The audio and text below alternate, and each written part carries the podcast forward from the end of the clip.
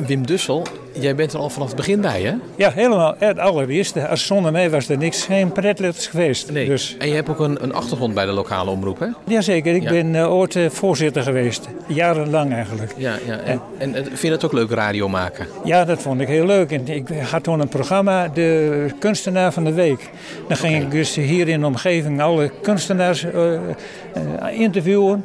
En dan, eh, nou, die kwamen dan eventjes een uurtje eh, in de belangstelling Ja, te ja. staan. Dat vond ik hartstikke leuk eigenlijk. Ja, ja. Nou is dit weer een heel ander onderwerp, hè? Helemaal. Iets Ja. met, met je ogen hebben. Eh. Had je daar ooit wel eens in verdiept? Nee, dat, dat kwam omdat dus een aantal jaren geleden mijn vrouw macula kreeg. leeftijdsmacula. En toen was ik dus met eh, mijn programma bezig. En toen kwam George bij mij met zijn boekje dat hij toen geschreven had. En vanaf dat moment dacht ik, hé, hey, dat is wel interessant. Dus ik ben nou daar verder nog in gaan verdiepen. Dan kan ik ook mijn vrouw bijstaan als die problemen krijgt. Want goed, je weet ook, eh ouderdomsmacula, dat is iets waarvan de oogarts zegt, kan ik niks aan doen. Dat wordt, hè, het blijft Ja. constant of het wordt steeds minder. Nou, dat lijkt dus ook wel. En vanaf die tijd hebben we heel veel debat bij dat ik dus ook eh, iedereen zo'n beetje ken die zich met dit probleem bezighouden. Onder andere dan de, degene die mij nu interviewt. Oké, oké.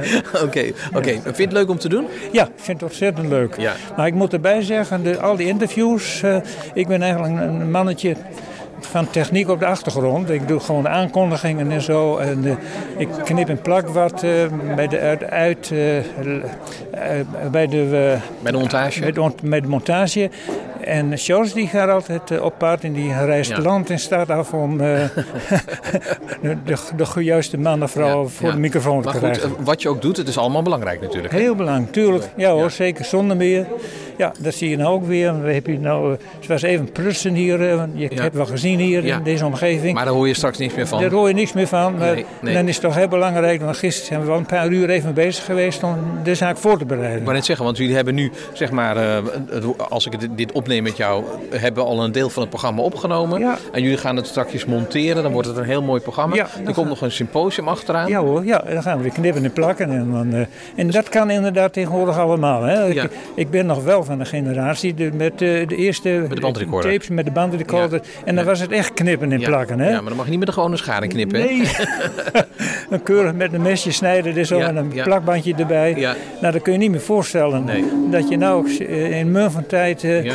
Een leuk programma in elkaar Ja, je hebt eigenlijk, eigenlijk heb je je studio zitten in je laptop, hè? Zonder meer, helemaal. Ja. Ja, ja. Ja. Dat is ook onvoorstelbaar. Hè? Dat je de nieuwste eh, laptops bekijkt, dan is het helemaal een complete geluidsstudio. Ja, ja. En eh, ik ontdekte ook nog iets wat ik niet wist, andere mensen misschien wel. Maar je blijkt ook nog zanger te zijn, hè? Ja, dat doe ik al heel lang. Ja, ja, zie je wel. Ja, dat ligt aan mij hoor.